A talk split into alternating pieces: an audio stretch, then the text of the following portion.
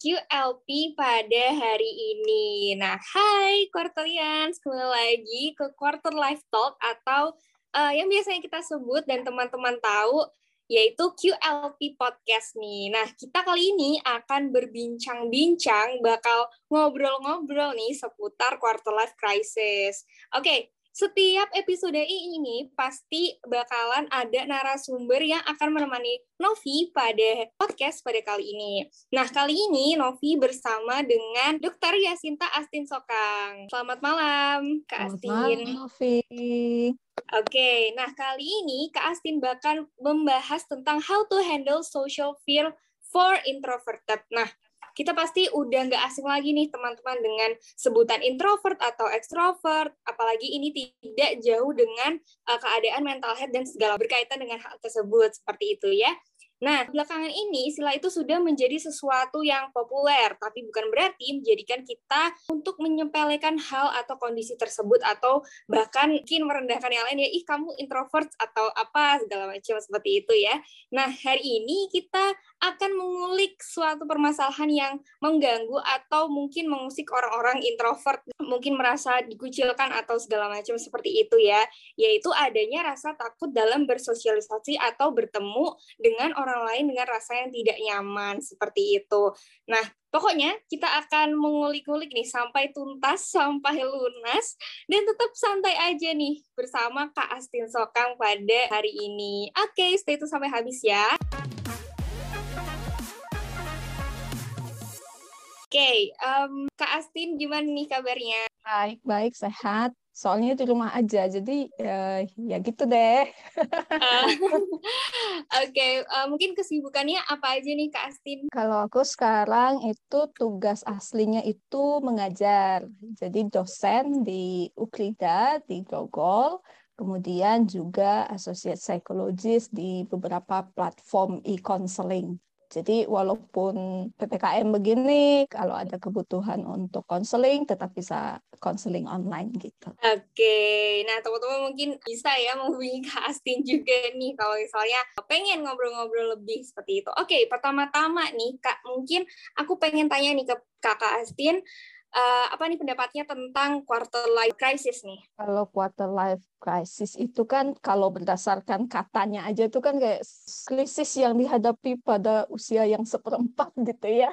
Nah, ini e, memang biasanya dialaminya sama di usia 20-an, bahkan ada yang sampai 30-an. Nah, ini krisis ini biasanya terkait dengan arah hidup, kualitas hidup, khawatirkan masa depan, kayak gitu-gitu. Nah, itu kekhawatiran yang biasanya muncul. Nah, kalau dibilang efeknya ya biasanya akan banyak dari kecemasan sampai pada tahap yang ekstrim bisa saja sampai orang mengalami depresi gitu. Tetapi apakah setiap orang mengalami krisis quarter life crisis? Ya enggak juga gitu.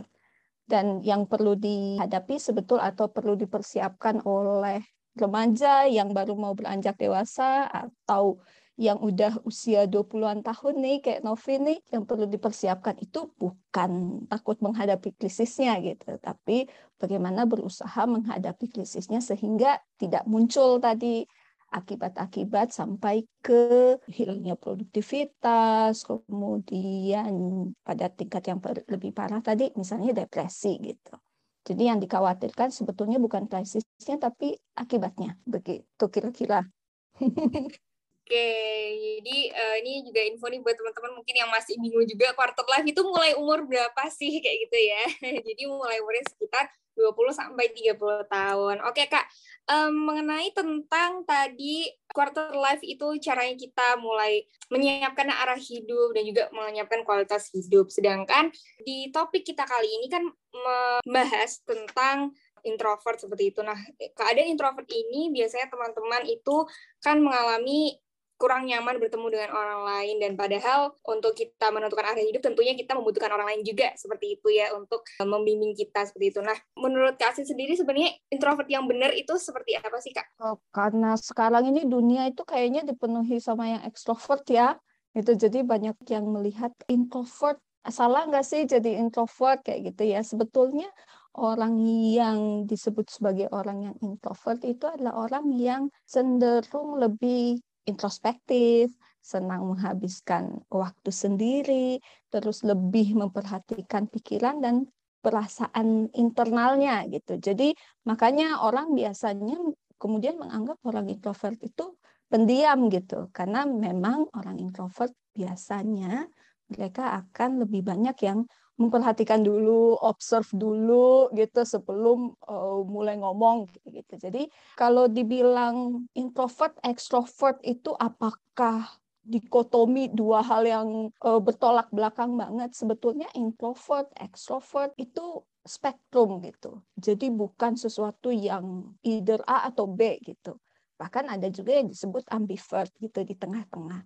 Karena ini spektrum. Jadi nggak ada sebetulnya penelitian-penelitian pun menunjukkan bahwa nggak ada orang yang murni introvert atau murni extrovert Nah, kita semua biasanya lebih kepada, oh ada karakteristik yang lebih kuat nih, karakteristik extrovertnya yang lebih kuat, atau karakteristik introvertnya yang lebih kuat. Nah, karena spektrum, jadi ya bisa aja bergeser, walaupun bergesernya mungkin nggak akan yang banyak banget gitu. Karena memahami bahwa introvert, extrovert ini bukan dikotomi tadi, bukan A atau B tadi, bahwa ini adalah spektrum, ini sangat membantu karena ada juga yang terkadang ngerasa gini, kemarin aku tuh seneng gitu ngumpul sama temen-temen, tapi hari ini aku tuh pengen sendirian, jadi aku tuh ekstrovert apa introvert sih? Gitu. Jadi memahami apa itu introvert dan ekstrovert itu sendiri perlu supaya nggak clear menilai diri sendiri. Oke, nah uh, mungkin ini bisa ngasih arahan pencerahan mungkin ya ke teman-teman tentang sebenarnya introvert itu apa ya nggak cuma sekedar sukanya pendiam aja eh introvert kayak gitu nggak nggak kayak gitu kan ya kak hmm. oke okay, nah mungkin karena tadi kak Asin sudah membahas juga sedikit tentang ekstrovert sebenarnya uh, karena memang nggak ada yang beneran introvert, nggak ada yang beneran extrovert, tapi sebenarnya ada nggak sih kak perbedaan yang benar-benar menunjukkan bedanya introvert dan extrovert seperti itu? Ya, karena sehari-hari pun kita bisa ngelihat mana orang yang kecenderungan kepribadiannya introvert dan yang extrovert. Tapi mau disclaimer dulu nih Novi bahwa kriteria-kriteria ini jangan sampai membuat uh, yang teman-teman yang dengar nih jadi ngerasa Ih, itu gue banget itu gue banget kemudian jad, menjadikan ini alasan untuk nggak berkembang gitu ya kalau perbedaan yang biasanya kelihatan kalau yang introvert itu biasanya lebih suka ngabisin waktu sendiri. Me time-nya itu ya sendiri gitu. Sedangkan kalau yang extrovert nyamannya itu kelompok besar.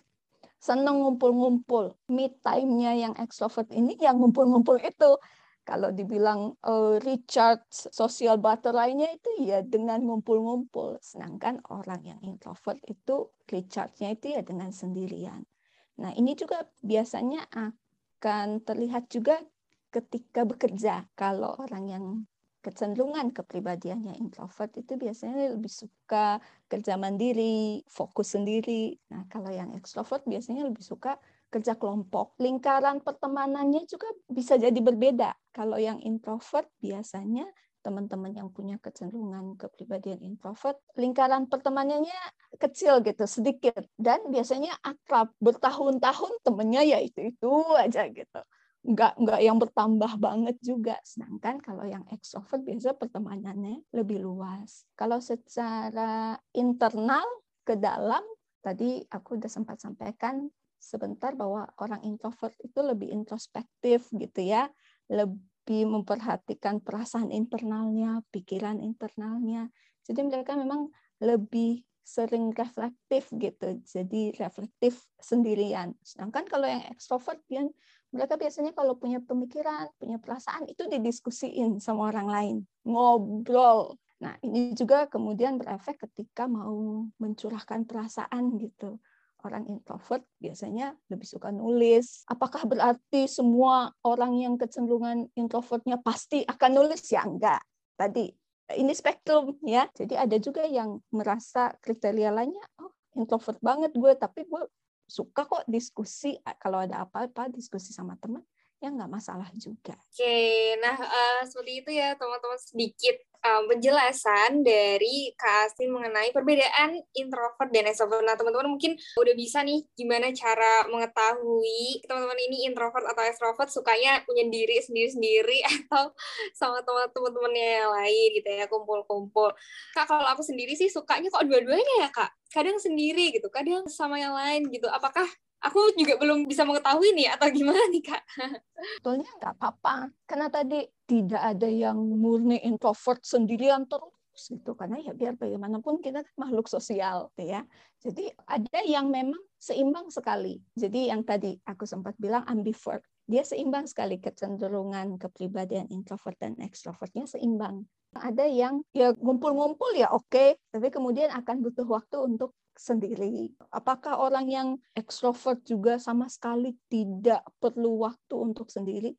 Mereka ya perlu juga kan waktu-waktu untuk sendiri. Jadi aku kira daripada mengkotak-kotakan diri gitu akan lebih baik kalau oh aku uh, ciri kepribadiannya kayak gini apa yang aku bisa improve ya instead of eh aku kan introvert terus jadi nggak mau berkembang tadi yang kayak aku bilang. Jadi it's okay just be you gitu ya. Oke, okay. uh, mungkin ini aku juga jadi terbantu nih. Gara-gara aku juga kadang-kadang kok masih bingung aku sukanya berbarengan atau juga kadang pengen sendiri. Uh, Kak, karena tadi kan introvert itu lebih ke mengutamakan pemikirannya sendiri dan juga perasaannya. Terus memang lebih banyak untuk me time. Tapi teman-teman yang introvert ini tuh juga kadang jadi takut gitu untuk bersosialisasi dengan orang-orang lain, bertemu orang-orang baru. Nah, sebenarnya bagaimana uh, mereka biar tidak takut dengan sosial ini atau biasanya kita sebut juga dengan social fear seperti topik kita yang tadi. Nah, sebenarnya itu gimana ya Kak mengenai social fear itu sendiri? Aku kira ada yang perlu dipahami terlebih dahulu nih sebelum kita ngomong social fear atau orang uh, mungkin kadang nyebutnya social anxiety gitu ya, bahwa introvert, sinus, malu dan social anxiety itu beda loh gitu. Kalau introvert tadi orang yang memang kecenderungannya akan lebih reflektif gitu ya. Sedangkan kalau malu itu perasaan cemas enggak cemas, enggak nyaman gitu ya. Nah, kalau malu ini biasanya berkaitan dengan self esteem atau kepercayaan diri yang rendah kayak gitu ya. Akan berbeda kalau dibilang social fear atau social anxiety karena kalau social anxiety ini kalau di psikologi itu sudah masuk pada kategori anxiety disorders gitu. Apakah semua orang yang introvert kemudian disorder kan enggak gitu. Jadi hati-hati sekali untuk untuk mengatakan bahwa aku punya social anxiety karena aku introvert. Atau karena aku introvert maka aku social anxiety. Karena uh, kalau social anxiety itu sudah masuk ke uh, disorder.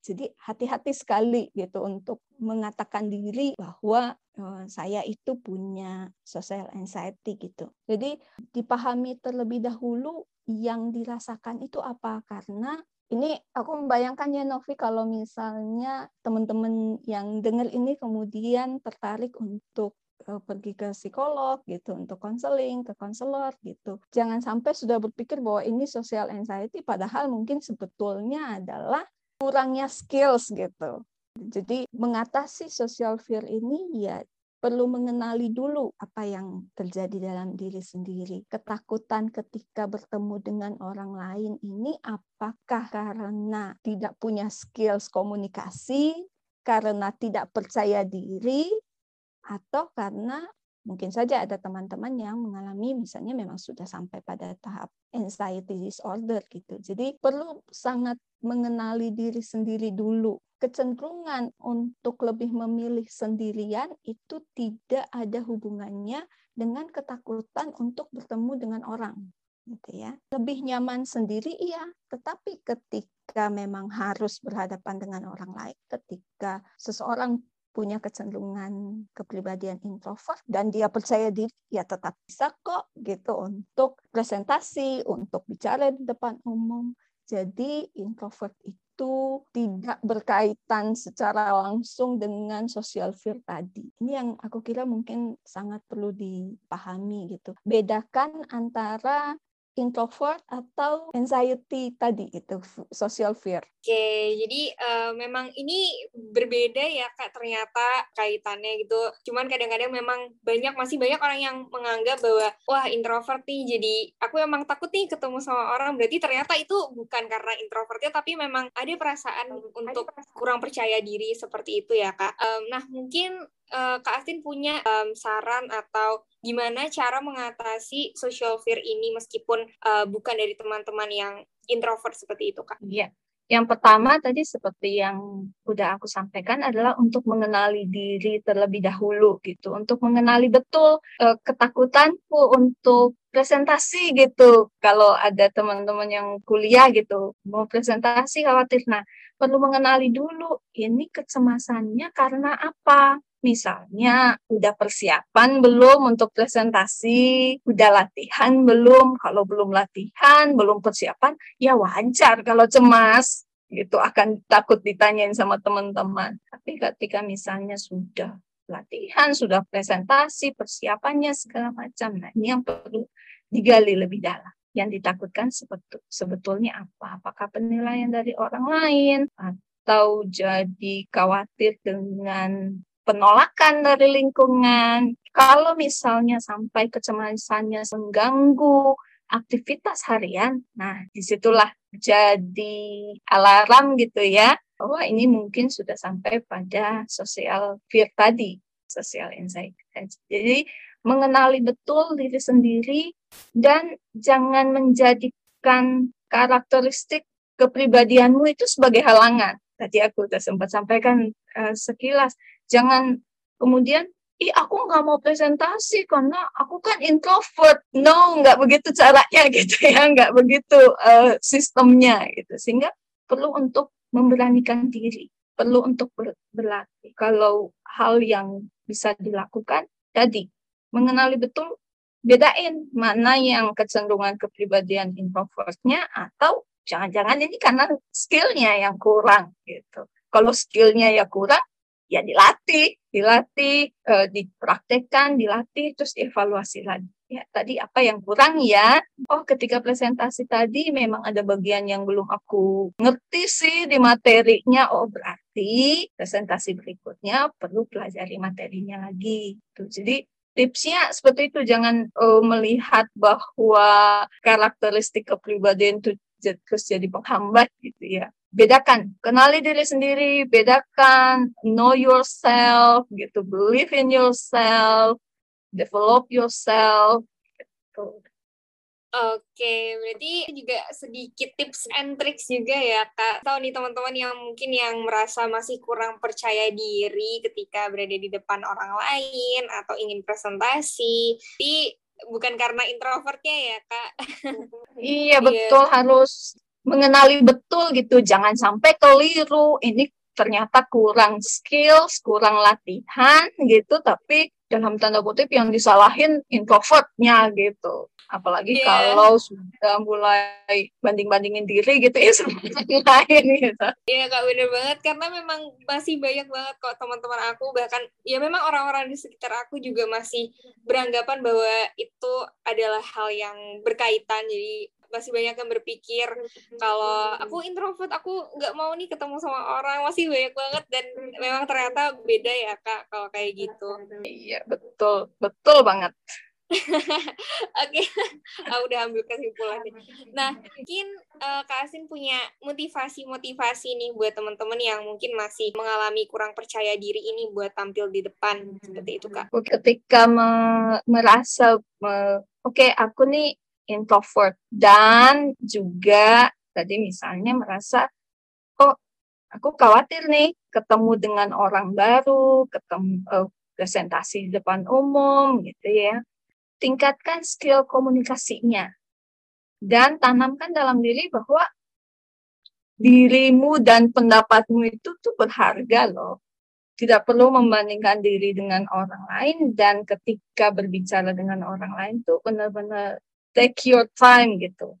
Bicara pelan itu tidak bukan selalu berarti nggak percaya diri gitu ya. Kamu bisa bicara dengan pelan tapi tetap tegas dan percaya diri. Dan ini mungkin berkaitan dengan hal yang lain tapi juga menetapkan batasan, boundaries, bahwa kamu memang tidak bisa menyenangkan semua orang gitu. Ah, sebaik apa pun presentasimu atau sebaik apa pun kamu sudah memperhatikan penampilanmu misalnya dalam situasi sosial, kamu tidak bisa menyenangkan semua orang. Dan kalau dibilang motivasinya apa nih? Itu untuk teman-teman yang dengar. Nggak perlu mengubah atau ingin 180 derajat gitu mengubah kepribadian. Karena apa pun tipe kepribadianmu, kepribadian itu sesuatu yang unik gitu. Kamu tuh cuma satu di dunia dan kamu kepribadianmu tuh unik. Sehingga tidak perlu merasa salah dengan punya kecenderungan introvert. Yang lebih penting adalah, oke, okay, kita tahu nih punya kecenderungan introvert, aku bisa mengembangkan apa ya dengan keunikanku ini. Kamu tetap bisa develop yourself dengan being introvert, kamu tetap bisa berdampak gitu ya kasarannya kepada orang lain gitu, nggak cuma yang extrovert aja. Kalau teman-teman cari di internet. Banyak juga orang-orang yang kepribadian kecenderungan kepribadiannya introvert tapi mereka beri dampak besar gitu ke orang lain. Dan give yourself some time juga untuk berkembang gitu ya. Jangan berharap klik gitu one night gitu langsung berubah 180 derajat gitu ya. Kalau memang ingin berubah mulai dari sekarang. Seandainya mudah-mudahan gitu ya uh, Novi mudah-mudahan ada yang inspired dengan mendengar ini maka lakukan sesuatu baru nanti efeknya bisa dirasakan. Kalau memang butuh bantuan profesional, cari bantuan profesional yang sesuai dengan dirimu. Seperti itu aja Novi. Semoga bisa menginspirasi dan mengajak teman-teman yang dengar ini untuk betul-betul mau berkembang gitu ya. Oke, wah, wah, ini banyak banget ya teman-teman. Um, motivasi dan juga tips dan trik juga dari Kak Astin buat jangan menjadikan karakter kamu untuk berhenti berkembang gitu ya Kak untuk mencari skill-skill kamu untuk mencari-cari apa sih yang bisa dilakukan meskipun uh, introvert tuh nggak menjadi halangan juga ya kak untuk menjadi orang yang berdampak untuk semua orang seperti itu ya kak. Betul betul banget. Betul banget. Setuju. Status Waduh, ini aku juga sekalian ngambil kesimpulan dari diri sendiri nih kak jadinya. Masih uh, bercampur-campur gitu. Oke, okay. teman-teman kiranya memang seperti itu bahwa ini aku agak sedikit juga mengambil kesimpulan ya kak Astin sekalian juga kalau uh, introvert ternyata dan social fear itu juga berbeda dan uh, tidak ada kaitannya dan itu kalau memang teman-teman punya kepribadian um, introvert seperti itu tidak menjadi halangan dan tidak menjadi masalah untuk teman-teman bisa berkembang dan tetap membuat karya seperti itu teman-teman. Nah, um, tadi aku sedikit juga uh, menyimpulkan nih kak dan aku juga sebenarnya juga nyatet nih. Coba tahu kadang-kadang aku punya catatan sendiri ya Novi ya. oh, ini. Beneran juga nih kak. Aku juga nyata juga nih. Siapa tahu kadang-kadang aku juga tidak punya kesiapan nih kalau ketika mau presentasi atau mau moderator seperti ini. Dan habis itu um, pasti akan memang harus banyak persiapan nih teman-teman dan meningkatkan skill komunikasi. Terus juga tidak usah membandingkan diri kita dengan orang lain karena memang orang itu berbeda-beda ya kak. Jadi kita eh, berdiri sendiri nih dengan diri kita sendiri. Seperti itu. Nah uh, juga menetapkan boundary seperti itu. Nah, ini yang paling aku suka sih ini dari Kastin tadi diri kamu dan pendapat kamu itu sangat berharga. Wah, itu menyentuh banget sih, Kak. ngena banget ya, ngena ya. iya, ngena banget langsung waduh, ah, iya juga nih gitu. Karena memang masih banyak orang yang uh, merasa seperti itu, Kak. Maksudnya bahkan untuk on mic di kelas aja kalau kuliah itu kayak waduh ini kalau aku jawab takut salah nggak ya? Gitu. Padahal sebenarnya nggak apa-apa ya kak kalau kita salah karena kan juga lagi belajar seperti itu. Betul banget. Karena uh, biasanya yang aku sampaikan karena dosen gitu ya yang biasanya aku sampaikan pada mahasiswa kalau semuanya udah tahu, karena biasanya ada satu atau dua temen yang agak menonjol gitu ya, IP-nya yang wah bulat gitu empatnya gitu ya itu yang eh, terkadang jadi bikin minder nah ketika ada di kelas, yang biasanya aku katakan, kalau temanmu itu kemudian jadi lebih tahu, dia yang akan mengajar gitu. Jadi oh, iya, posisi emang sedang belajar kan? iya benar. Iya tapi mungkin kadang ini juga masih uh, banyak yang, waduh tapi pertanyaanku nggak berbobot nih, mungkin seperti itu kak. Tapi nggak nggak jadi masalah kan ya kak kalau seperti itu kalau berdasarkan pengalamanku, pertanyaan yang biasanya paling sulit dijawab itu justru pertanyaan yang paling polos, no? Waduh, waduh, kok bisa itu kak? Oh iya, wow. Berarti, wah, ini aku punya kesempatan nih buat uh, bertanya-bertanya juga nih di kelas. Betul, baik sebagai dosen, karena aku juga peneliti sebagai peneliti, sebagai psikolog juga. Pertanyaan yang biasanya oh iya ya benar juga ya uh, itu jawabannya apa ya gitu. Itu tuh justru pertanyaan-pertanyaan yang yang polos gitu. Jadi it's okay tanya gitu. Dan kalau dilihat dari sudut pandang ekonominya gitu ya walaupun bukan orang ekonomi nih uh, kita kalau ke restoran kita udah pesan nih misalnya Novi udah pesan pizza sama minuman gitu sama cola nah ketika yang datangnya cuma pizza kan Novi akan tanya dong Mbak, Mas, saya tadi pesen cola juga, kok belum datang ya? Sebetulnya mahasiswa itu begitu juga. SKS kan udah dibayar di duluan di muka kan? Iya. Yeah. Kenapa nggak Saya mau nanya ini karena saya belum mengerti gitu. Jadi mungkin ini sudut pandang yang perlu dipakai oleh para mahasiswa bahwa, bahwa kalian berhak loh untuk nanya gitu. Oke, wah ini juga jadi motivasi juga nih untuk teman-teman uh, yang mendengarkan ini masih juga uh, takut ya untuk bertanya, untuk um, mengutarakan pendapat seperti itu. Bahkan nggak uh, cuma di kelas, kak, kadang juga misalnya kalau lagi organisasi kayak gitu, masih nih merasa uh, deg-degan padahal juga sesama teman juga tapi kadang masih takut untuk memberikan pendapat. Oke, okay, mungkin um, kesimpulan dari motivasinya juga tidak perlu mengubah kepribadian teman-teman nih untuk menjadi mungkin dari yang memang introvert waduh aku berarti harus jadi introvert. Wah, tidak seperti itu ya, Kak. Jadi jadilah diri sendiri seperti itu teman-teman dan tidak perlu merasa salah karena punya kecenderungan introvert. Eh, wah ini aku udah catatan juga nih Kak Astin yang tadi. Wah ini jadi catatan buat diri sendiri juga nih. Dan juga perlunya kita mengembangkan uh, skill seperti itu ya teman-teman.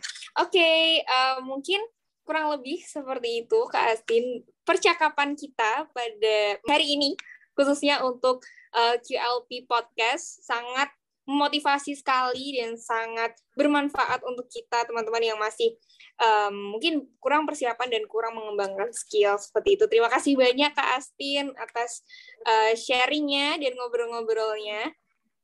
Thank you, thank you. Selamat mengembangkan diri ya untuk semua.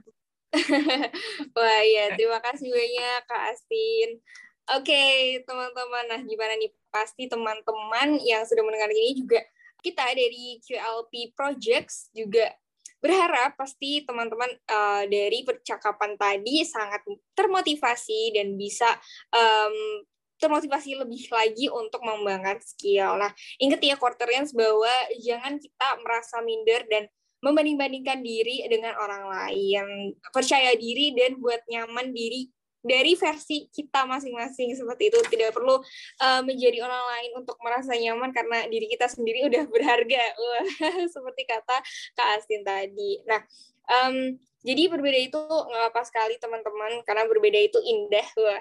Karena kita masing-masing individu adalah individu yang unik untuk uh, dan punya jalan untuk kehidupan kita nanti. Seperti itu ya. Oke okay, semoga pembicaraan kali hari ini dapat memberikan kebaikan-kebaikan dalam mempersiapkan diri kita semua untuk menghadapi skenario kehidupan satu demi satu, mau tidak mau harus kita lewati dan hadapi, terutama buat teman-teman yang masih quarter life age nih, eh bukan masih ya, justru malah sudah memasuki quarter life age. Let's build a meaningful quarter life with us. Bye, terima kasih semuanya. Terima kasih Kastin. Bye-bye, bye-bye tetap sehat, tetap bahagia ya.